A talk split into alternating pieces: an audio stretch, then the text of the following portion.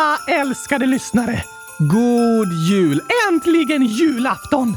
Det är en dag många ser fram emot under hela året. Ibland kan det nästan bli lite svårt för julafton att leva upp till den höga pressen. Ja, det är sant. Ibland kan förväntan vara så hög att pressen och stressen blir stor. Men eh, det är inte alla som tycker om julafton. Nej, jag tror att alla människor har lite olika känslor runt idag. Vissa kanske känner sig taggade och lite oroliga på samma gång. Just det! Men det går att vara glad och ledsen samtidigt. Det är okej. Okay. Det är det. Julen är ju en tid då många träffar släkten och familjen och sådär. Och ofta är det väldigt roligt. Men det är även många barn som bär på oro i de sammanhangen på grund av saker som har hänt andra år och så. Det är en jobbig oro. Ja, men vi vill börja det här avsnittet med att önska dig som lyssnar en riktigt god jul. Vi önskar att du ska få känna dig sedd och uppskattad och att du ska få glädjefyllda dagar. Ja, tack! Det finns de som inte firar jul också. Just det. Det är inte alla som firar julen som en högtid. Och de som firar, firar på olika sätt. Det finns inga rätt eller fel runt hur ett julfirande ska se ut. Nej! Men alla barn har i alla fall jullov nu och en ledig tid runt årsskiftet. Och jag önskar er alla att ni ska få två fantastiskt fina veckor, hur de än ser ut. Kom ihåg att du är bäst i test och att vi tycker så mycket om dig. Det önskar vi att du ska få känna. Undrar om det är någon som dragit sig undan från julstöket en stund för att chilla lite och lyssna på kylskåpsradion? Det är mycket möjligt. Vilken ära att få fira jul tillsammans med dig! Vi är så otroligt glada för att just du lyssnar på kylskåpsradion och vi hoppas att du ska få känna att vi firar tillsammans här i podden. Att vi har en gemenskap med tusentals lyssnare över hela landet. Du är inte ensam! Nej, det finns de som bryr dig om just dig och vill ditt bästa. Du är inte ensam. Alltså, julen är ändå en hoppfull högtid. Hur tänker du då? Häromdagen var det årets mörkaste dag. Just det, men julberättelsen handlar liksom om att i det mörkaste mörkret så kommer en räddare. De visa männen följer en stjärna som leder vägen till Jesusbarnet och de ser liksom ett ljus som leder dem genom mörkret till räddningen. Ja, det var en fin beskrivning. Och det kan vara mörkt ute, men ibland kan det även kännas mörkt i ens hjärta, i ens livssituation. Ibland kan vi gå igenom perioder som känns mörka och tunga, men då kommer julens berättelse som en hoppfull påminnelse om att det finns ljus i mörkret. Även om det till en början är bara en liten, liten strimma ljus som en stjärna på himlen så kan det ljuset leda oss på vägen framåt och vi kan hitta en väg ut ur mörkret till en ljusare framtid.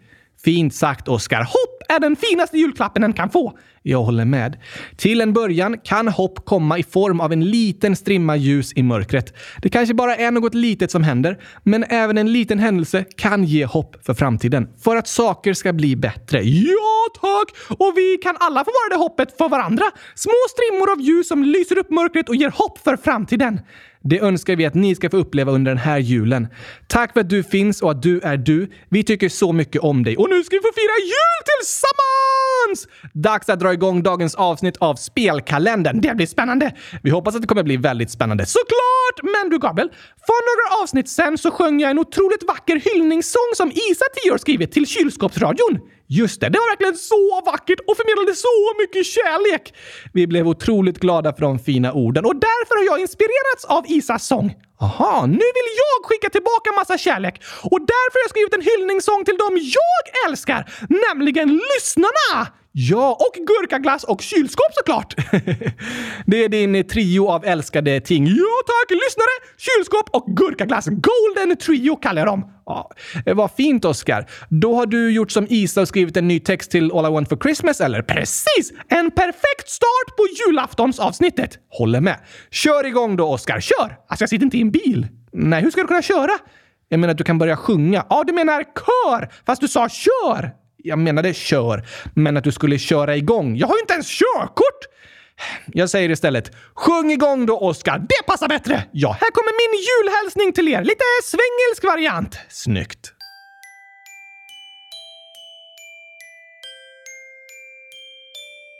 Ah, ah, ah. jag har inga stora krav. Det finns bara tre grejer jag vill ha.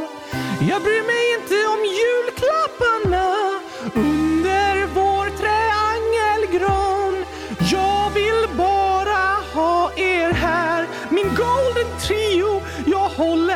kär. Make my wish come true. All I want for Christmas is you.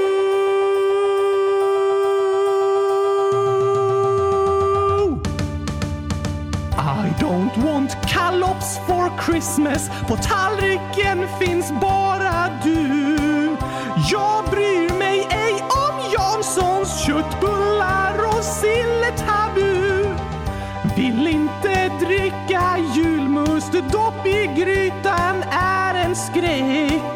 Julskinkan den är ratad, risgrynsgröten är putsväck. För jag vill bara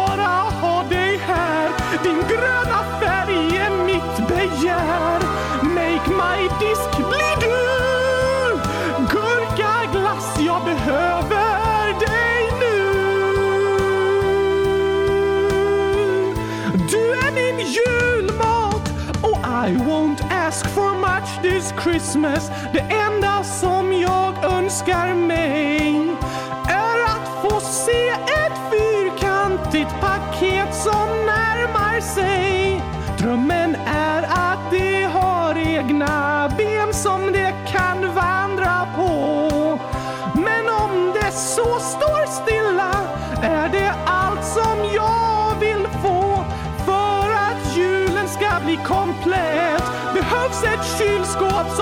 står snett. Du min önskelista är mitt kylskåp. Jag behöver dig här.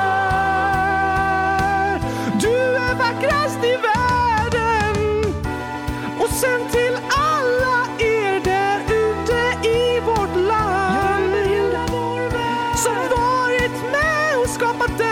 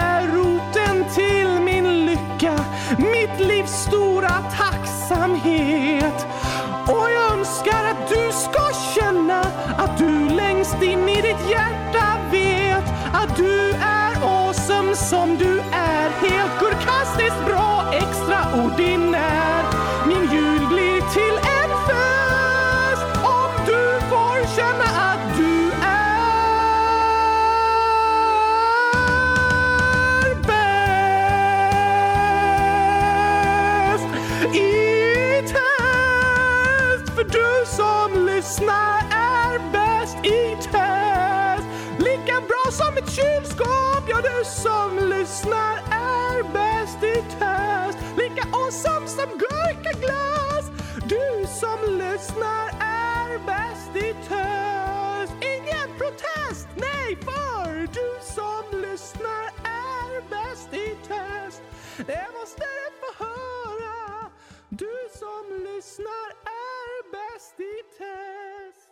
Wow, vilken fantastiskt fin sång, Oscar! Det är sant! Lyssnarna är verkligen bäst i test! Verkligen. Det hoppas vi att du som lyssnar ska få känna. Det är fantastiskt att fira tillsammans. Det känns nästan som att vi är i samma rum, liksom, fast vi är långt ifrån varandra. Vi är så glada för att få fira jul tillsammans med alla er som lyssnar. Och nu drar vi igång julaftonsavsnittet! Jag tycker redan vi har hållit på ett tag. Ja, men jag menar med dagens spel och historiska berättelse. Just det, du menar så. Då sätter jag på gingen och säger välkomna till sista avsnittet av Spelkalendern.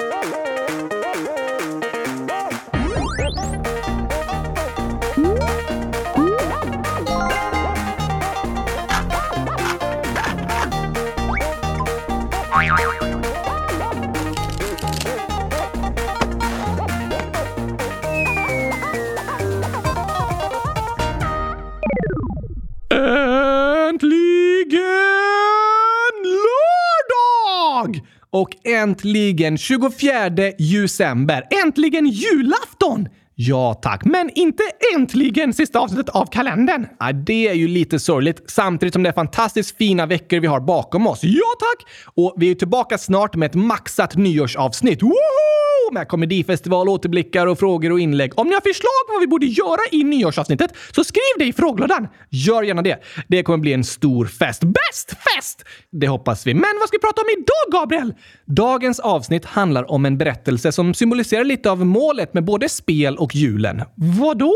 fred. Det är bra grejer, eller hur? Häromdagen pratade vi ju om olympiska Oscarspelen och deras viktiga uppdrag är att samla människor från världens alla länder som tävlar tillsammans och bygger en gemenskap som går över nationsgränserna. Just det! Men alltså, ibland kan spel och tävlingar leda till bråk och att människor blir ovänner istället. Ja, jag förstår vad du menar. Det kan vara starka känslor kopplade, särskilt till idrott, vilket kan leda till bråk mellan olika supportergrupper och så. Men i grunden är ändå idrotten och spelen något som samlar samlar människor. Människor från olika delar av ett land och från olika samhällsgrupper kan samlas och heja tillsammans på sitt lag. Och genom internationella tävlingar möts människor med gemensamma intressen som älskar samma idrott eller spel. Det har du rätt i! Och det är väldigt vackert. Och på samma sätt så är julen en fredlig högtid som handlar om kärlek och respekt och det har blivit en högtid då stridigheter ibland har tagit paus. Det låter bra! Visst gör det? Och eftersom det här är en spelkalender ska jag idag berätta om en historisk fotbollsmatch som inte spelades inför publik på några stora arenor, utan mitt på ett slagfält under ett världskrig. Oj då! Här kommer historien om julfreden år 1914.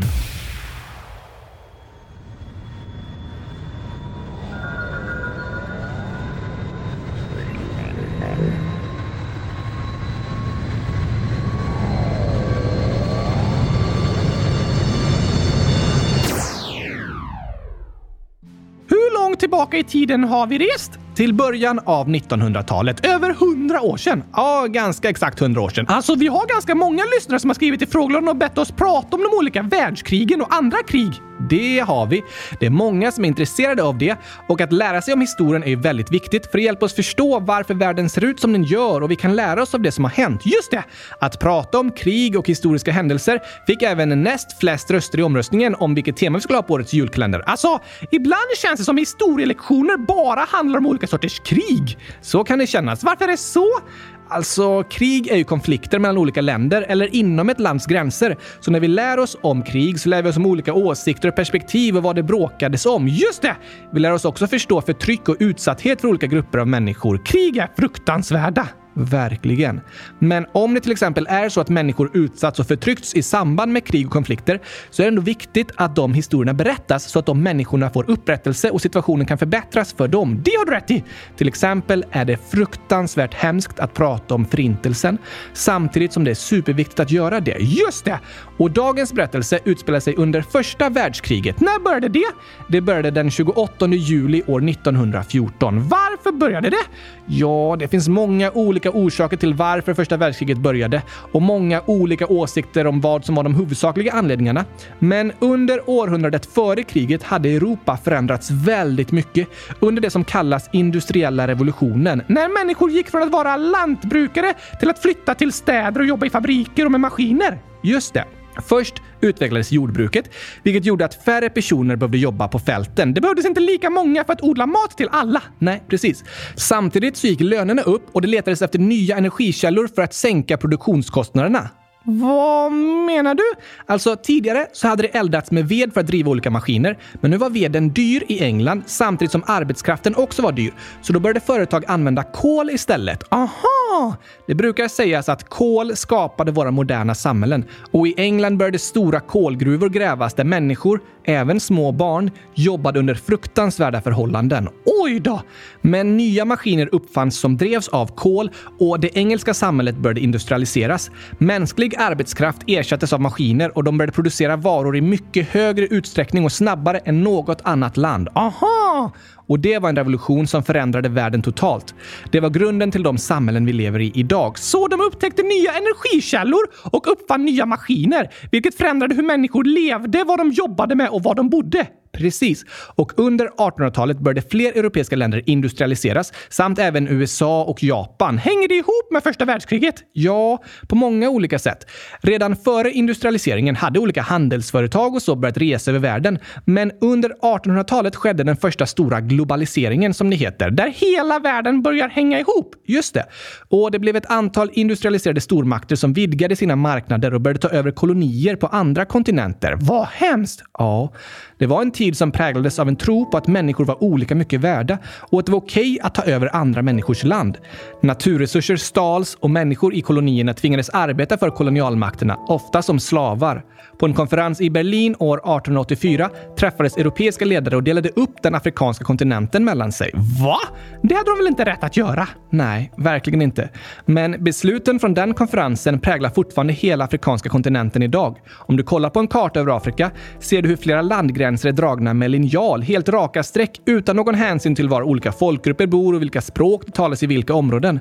Kolonialtiden präglar fortfarande världen idag, vilket är viktigt att förstå. Hemskt sant! Just det. Och det var många krig på 1800-talet som handlade om expansion och världshandel. Efter opiumkrigen i Kina, som Kina förlorade, så tvingade Storbritannien dem att importera brittiska varor, tog kontroll över de stora hamnarna på östkusten.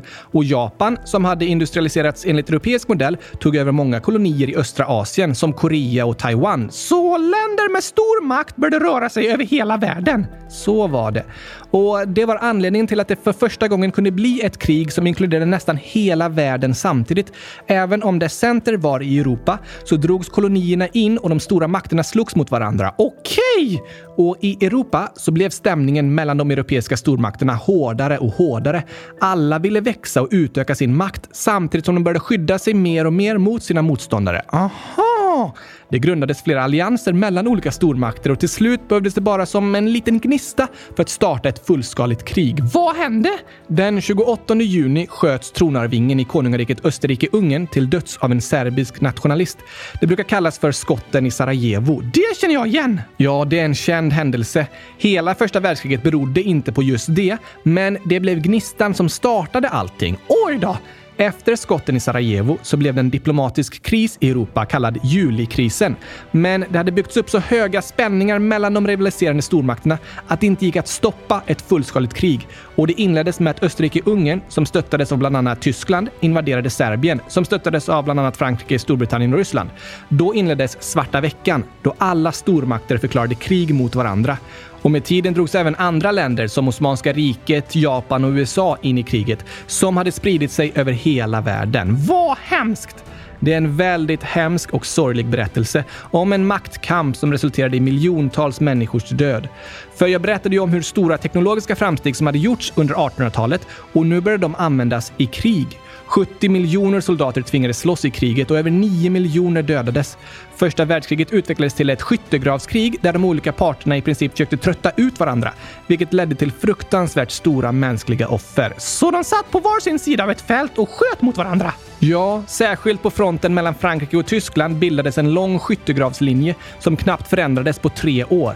Men där soldaterna levde under fruktansvärda förhållanden och sköt mot varandra. Och det är där vår julberättelse kommer in. Det var ingen mysig julberättelse hittills. Nej, inte direkt. Det här var lite bakgrund om det fruktansvärda första världskriget. Men mitt i denna hemska situation så utspelade sig en vacker berättelse på julafton år 1914. Vad hände då? På västfronten, som då gick genom Belgien, stred tyska trupper på ena sidan mot brittiska och franska soldater på andra sidan. De hade då suttit i skyttegravarna i flera månader utan att knappt kunna förflytta sig åt något håll. Det var månader märkta av död och misär. Alla hade varit med om att få se vänner bli skjutna och på båda sidorna var soldaterna trötta på det utdragna kriget. Det förstår jag! När julen närmade sig var det många politiska ledare som talat för fred mellan länderna, bland annat påven, men det hade inte kommit någon vart. Kriget hade pågått i ett halvår och inget slut var i sikte.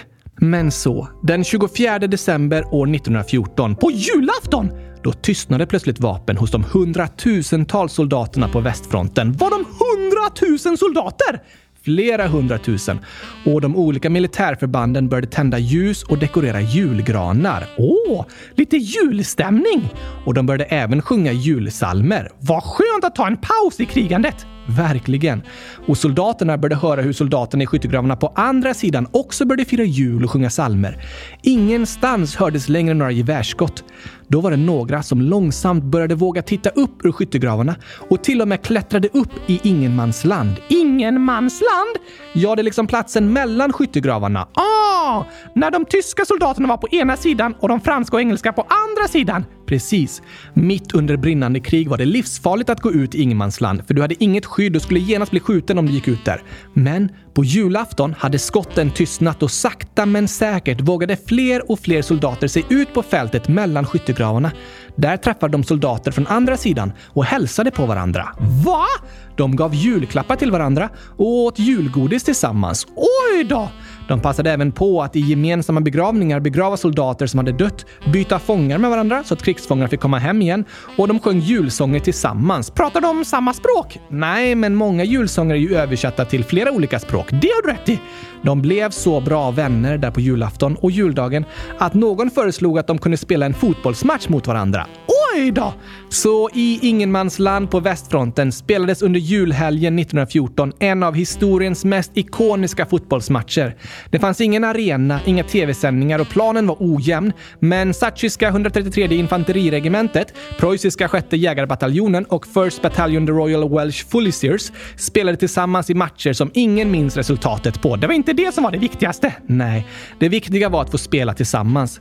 Fotbollsmatchen mellan de båda sidorna i kriget har blivit en av de främsta bilderna från vapenstilleståndet under julen 1914 och en symbol för att soldaterna vill ju inte slåss mot varandra. De ville hellre spela fotboll tillsammans. Precis.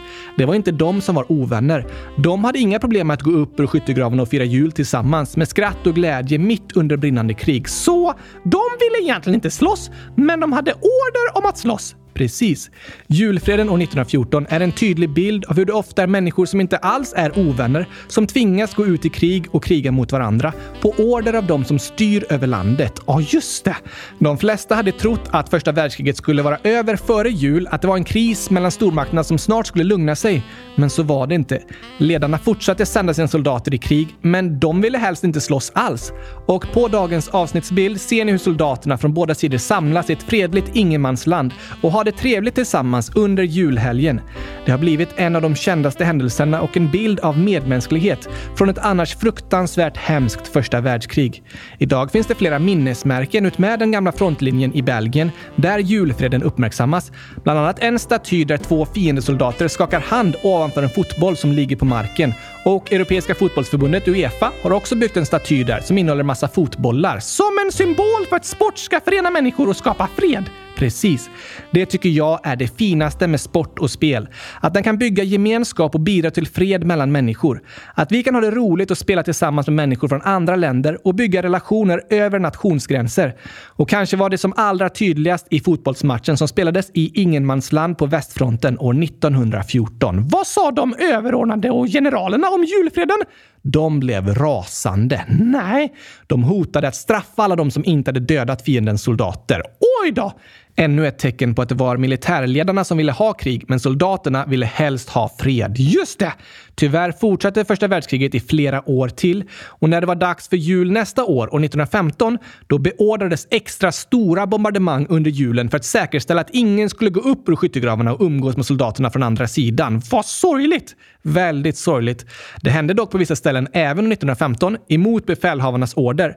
Men sen intensifierades striderna ännu mer och kriget blev ännu hemskare. Så ingen mer julfred skedde under de sista åren av första världskriget. När slutade det? Första världskriget höll på till den 18 november år 1918, alltså i över fyra år. Oj då! Då signerades ett vapenstillestånd som avslutade ett av världshistoriens absolut värsta krig där miljontals människor drabbades. Den 28 juni året efter, exakt fem år efter skotten i Sarajevo, så skrevs även ett fredsavtal under som kallas för Versaillesfreden. Men det avtalet präglades av hat och hämnd och bland annat Tyskland tvingades gå med på ett fredsavtal med otroligt stora summor i skadestånd. Så de kom inte överens som något avtal tillsammans, utan det var ena sidan som tvingades kapitulera. Så kan man säga, ja. Så det var ingen grund för positiva relationer mellan länderna framöver. De stora centraleuropeiska rikena splittrades och efterföljande ekonomiska kriser och hat mot fredsavtalet år 1919 ledde senare till nazisternas popularitet och andra världskriget. Oj då! Så de två världskrigen hör på många sätt ihop. Efter första världskriget försökte de bygga upp internationella samarbeten för att förhindra krig, men allt föll samman och ett nytt, ännu värre krig bröt ut 20 år efter första världskrigets slut. Vad hemskt! Ja. Första delen av 1900-talet var en period som präglades av fruktansvärda krig. Modern teknologi användes för att strida mot varandra. Men efter krigens slut bestämde de sig för att istället använda den för att bygga bättre, fredliga samhällen. Det låter bra!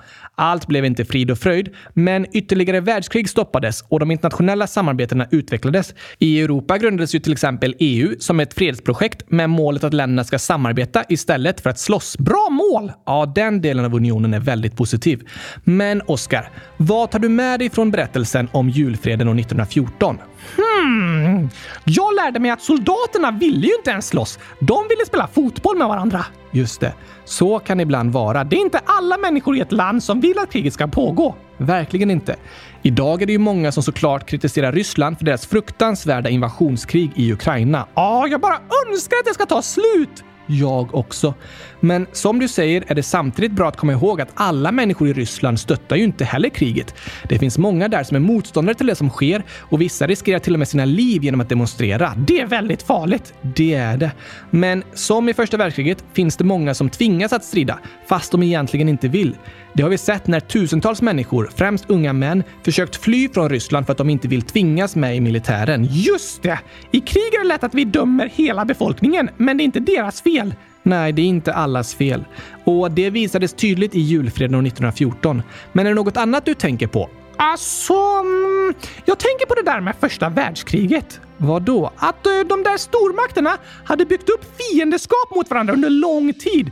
De hade många konflikter och mycket ilska som bara låg och väntade. Och när skotten i Sarajevo hände så exploderade allt i ett fruktansvärt krig. Ja, just det. Så kan man nog säga att det var. Och det kan vara en påminnelse till oss var och en att vårda våra relationer och lösa alla små konflikter så att vi inte går runt och är arga på varandra och bygger upp en större och större ilska. För då, även om något litet händer, kan den ilskan explodera och vi hamnar i ett stort bråk med varandra. Väldigt sant, Oskar. Fin reflektion. Även små konflikter kan med tiden läggas ihop till ett stort bråk. Så ta hand om era relationer med andra människor och lös även de små problemen innan det är för sent. Det är bättre att försöka lösa konflikter, förlåta varandra och bli vänner igen än att gå runt och bära på ilska. För den ilskan kommer infektera nästa konflikt och så blir det en ond cirkel där man bara blir argare och argare på varandra. Så kan det vara. Att vårda våra relationer och lösa även små konflikter är en fin reflektion så här i juletid. Och så lärde jag mig om att julen är en fredlig högtid. Det är faktiskt väldigt fint då vapnen får tystna och vi istället spelar fotboll med varandra. Att hitta på något roligt tillsammans, som att spela fotboll eller något annat spel, kan vara ett fint sätt att ha gemenskap och skratta tillsammans under julen. Som på västfronten år 1914. Det är ett vackert exempel på hur julen kan få bidra till fred. Och jag tänker att på det sättet kan julen få bli en hoppfull högtid som du pratade om i början. Där vi drömmer om hur vi önskar att saker ska bli. Som soldaterna som drömde om att få spela fotboll med varandra, inte skjuta mot varandra i skyttegravar. Precis. Det kan vi få påminnas om under julen. På tal om det tycker jag det passar att spela upp sången om mina drömmar, Gabriel. Just det. Din fina julsång. Den passar bra idag, på julafton. Ja, tack! Sen så ska vi ta några tokiga julvärldsrekord. Oj, oj, oj, det blir skoj! Eller hur?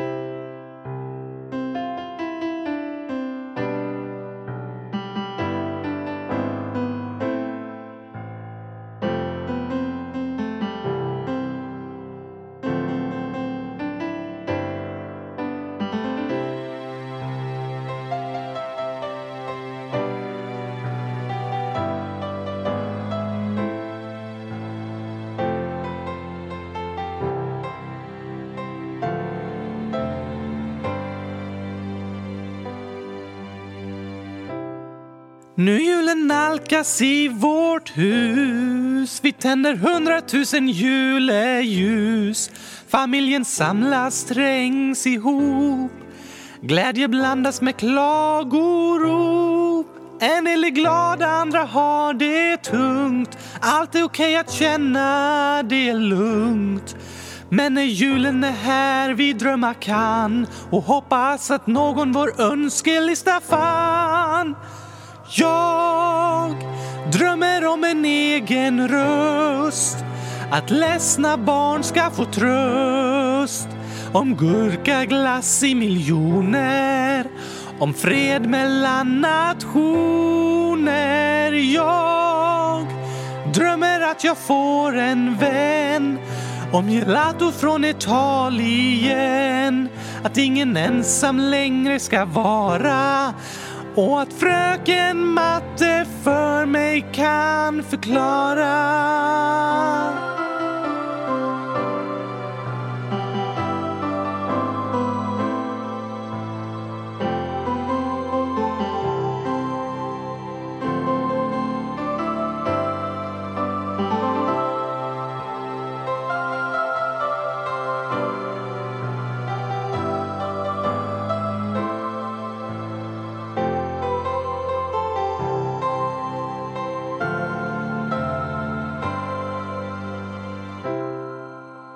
December kan vara mörkt och kallt Både ute och inne kan verka som alla andra har allt medan du kämpar med ett tungt sinne. Men julen är en tid att hoppas, en tid för framtidstro. För hoppet kan aldrig stoppas när det i vårt hjärta bor. Jag, jag drömmer om en egen röst. Att ledsna barn ska få tröst. Om gurkaglass i miljoner. Om fred mellan nationer. Och jag jag drömmer att jag får en vän. Om gelato från Italien. Att ingen ensam längre ska vara och att fröken matte för mig kan förklara. Jag drömmer om att vara glad, att aldrig mer höra ordet choklad, att inte behöva vara orolig och att sommaren ska bli solig. Jag drömmer om att vuxna förstår att jag ska bli mobbad på ett helt år. Det är knappt att jag vågar tro det, men drömmen hos mig består.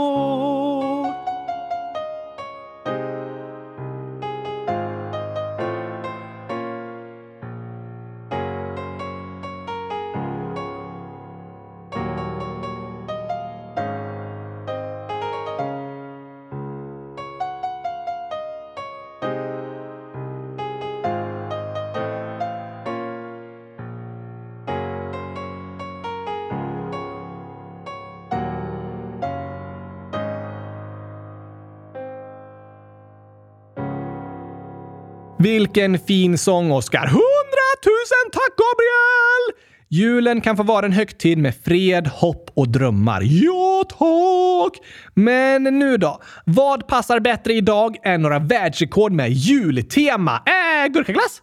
Vad menar du? Det passar bättre idag. Ja, jo, det tycker ju du. Men på tal om världsrekord så finns det inget som passar bättre än världsrekord med jultema. Nej, det har du rätt i! Till exempel världens största chokladtomte. Nej, vad hemskt! Tycker inte jag. Den stod i ett italienskt köpcenter och var fem meter hög. What? Vilket chokladtomtemonster! Förstår jag att du tycker. Jag hade gärna smakat. Har du något chokladfritt rekord då? Ja, visst. Den största samlingen med människor som har tomtemussor på var på en baseballmatch i USA när 30 333 personer hade på sig tomtemössor. Vilken julmatch! Verkligen. Och världens största mänskliga julgran skapades av 4030 personer i Indien. Va? De ställde sig i formen av en julgran. Oj då! Med olika klädfärger beroende på om de var stam, grenar, stjärna och så vidare. Snyggt! Väldigt, väldigt snyggt. Och sången du sjöng i början av dagens avsnitt, Oscar. All I want for Christmas is gurkaglass. Just det. Det betyder du är allt jag vill ha i jul. Just det. Och det passade bra att du sjöng den, för det är faktiskt världens mest streamade jullåt. Va? För tillfället toppar den till och med Spotifys topp 50 i världen. Det är ju Mariah Carey som sjunger den.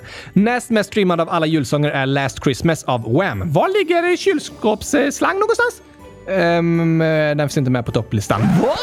Du har inte ens släppt den på Spotify. Vi kan inte lägga ut våra parodier där eftersom det inte är våra sånger. Sant! Men vi har andra sånger att lägga ut. Det måste du fixa! Ja, det måste jag göra. Fler världsrekord! Okej. Okay. Erin Lavoie från Tyskland har världsrekordet i att hugga flest julgranar. Hur många? Hon högg 27 granar på två minuter. Wow! Imponerande snabbt. Kan vara bra att ringa henne i julstressen.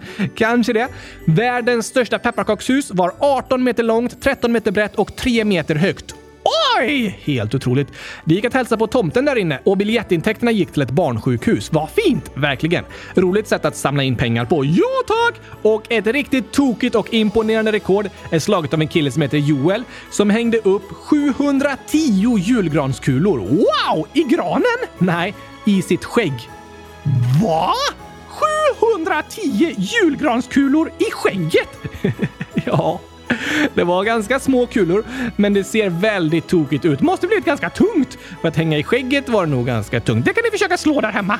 Eh, ja, det är inte så många av våra lyssnare som har skägg. Jag sa inte att det skulle bli lätt. Nej, det blir ju omöjligt om du inte har skägg. Ja, jag håller med om att det är väldigt svårt.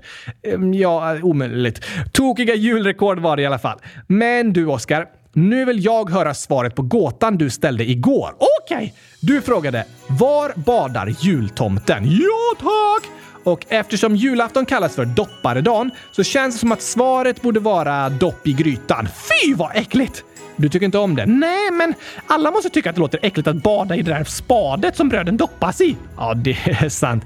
Ja, det, det, är inte så badvänligt. Men var det rätt svar? Nej, nej, nej, nej, jag är inte så taskig mot tomten. Nej.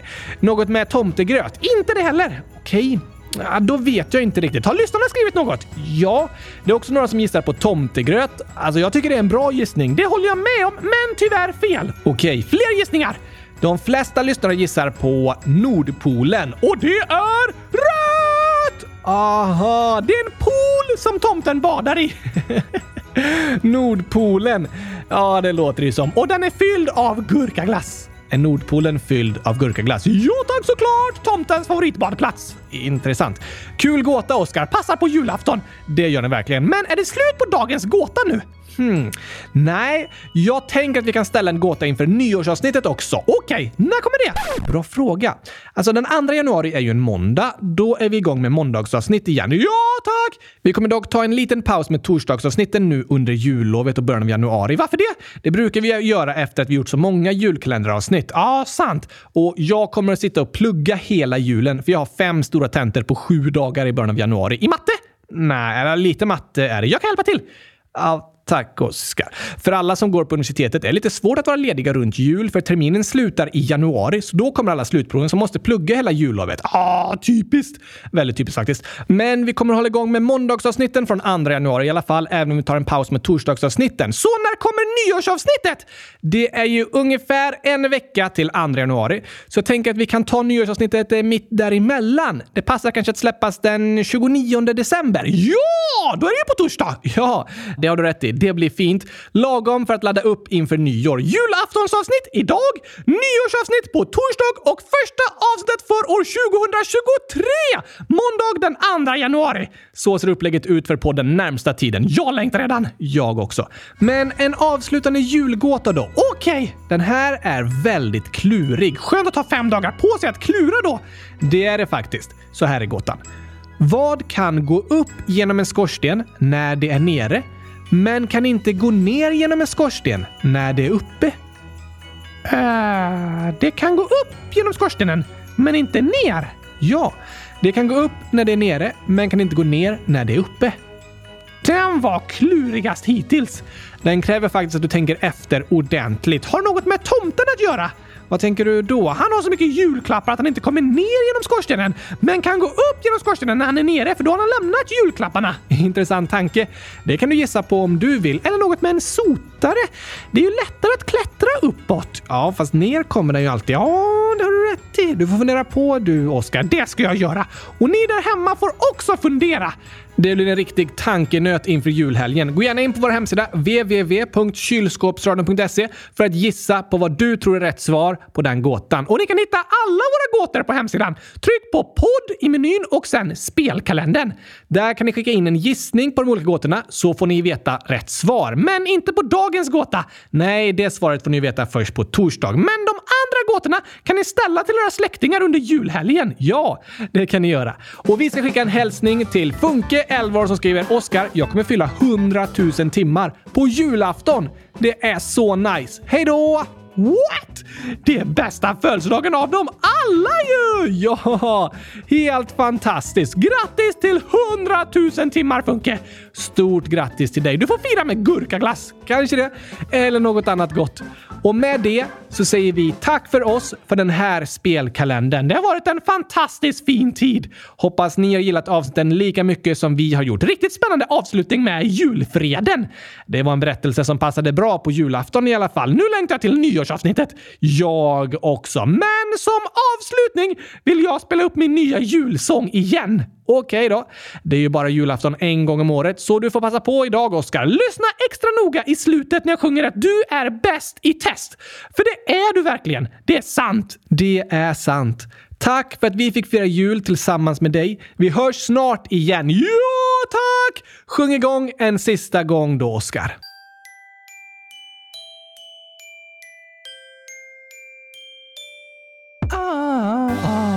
Jag har inga stora krav. Det finns bara tre grejer jag vill ha. Jag bryr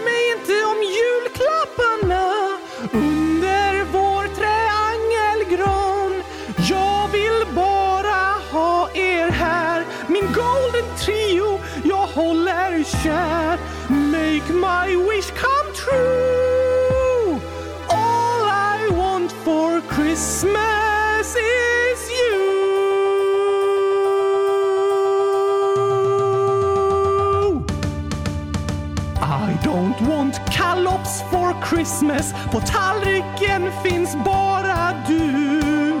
Jag bryr mig ej om Janssons köttbullar och silletabu. Vill inte dricka julmust, dopp i grytan är en skräck. Julskinkan den är ratad, risgrynsgröten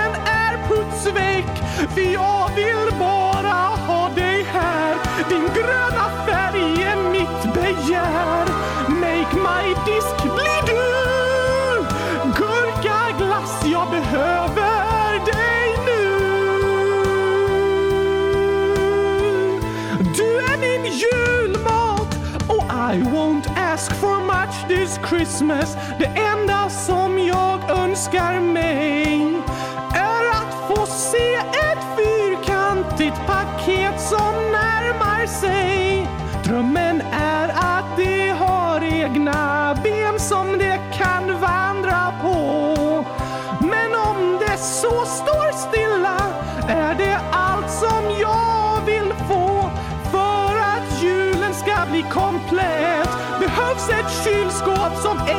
ej snett. Du min önskelista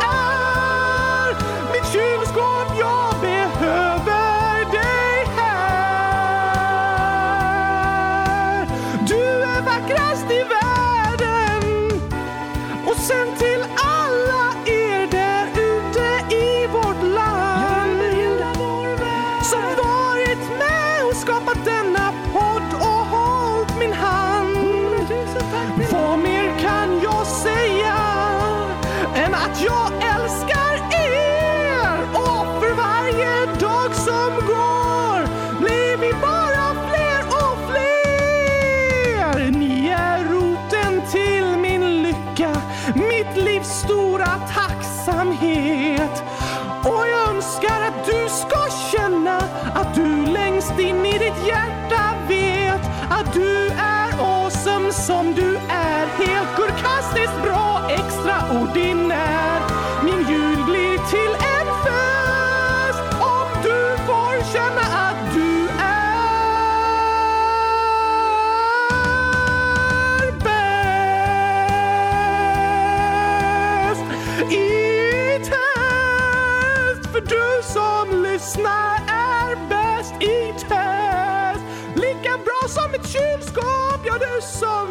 lyssnar är bäst i test. Lika awesome som gurkaglass. Du som lyssnar är bäst i test. Ingen protest, nej, för du som lyssnar är bäst i test. Från oss alla till er alla. Tack och hej! Julig gurkapastej! God jul! God jul!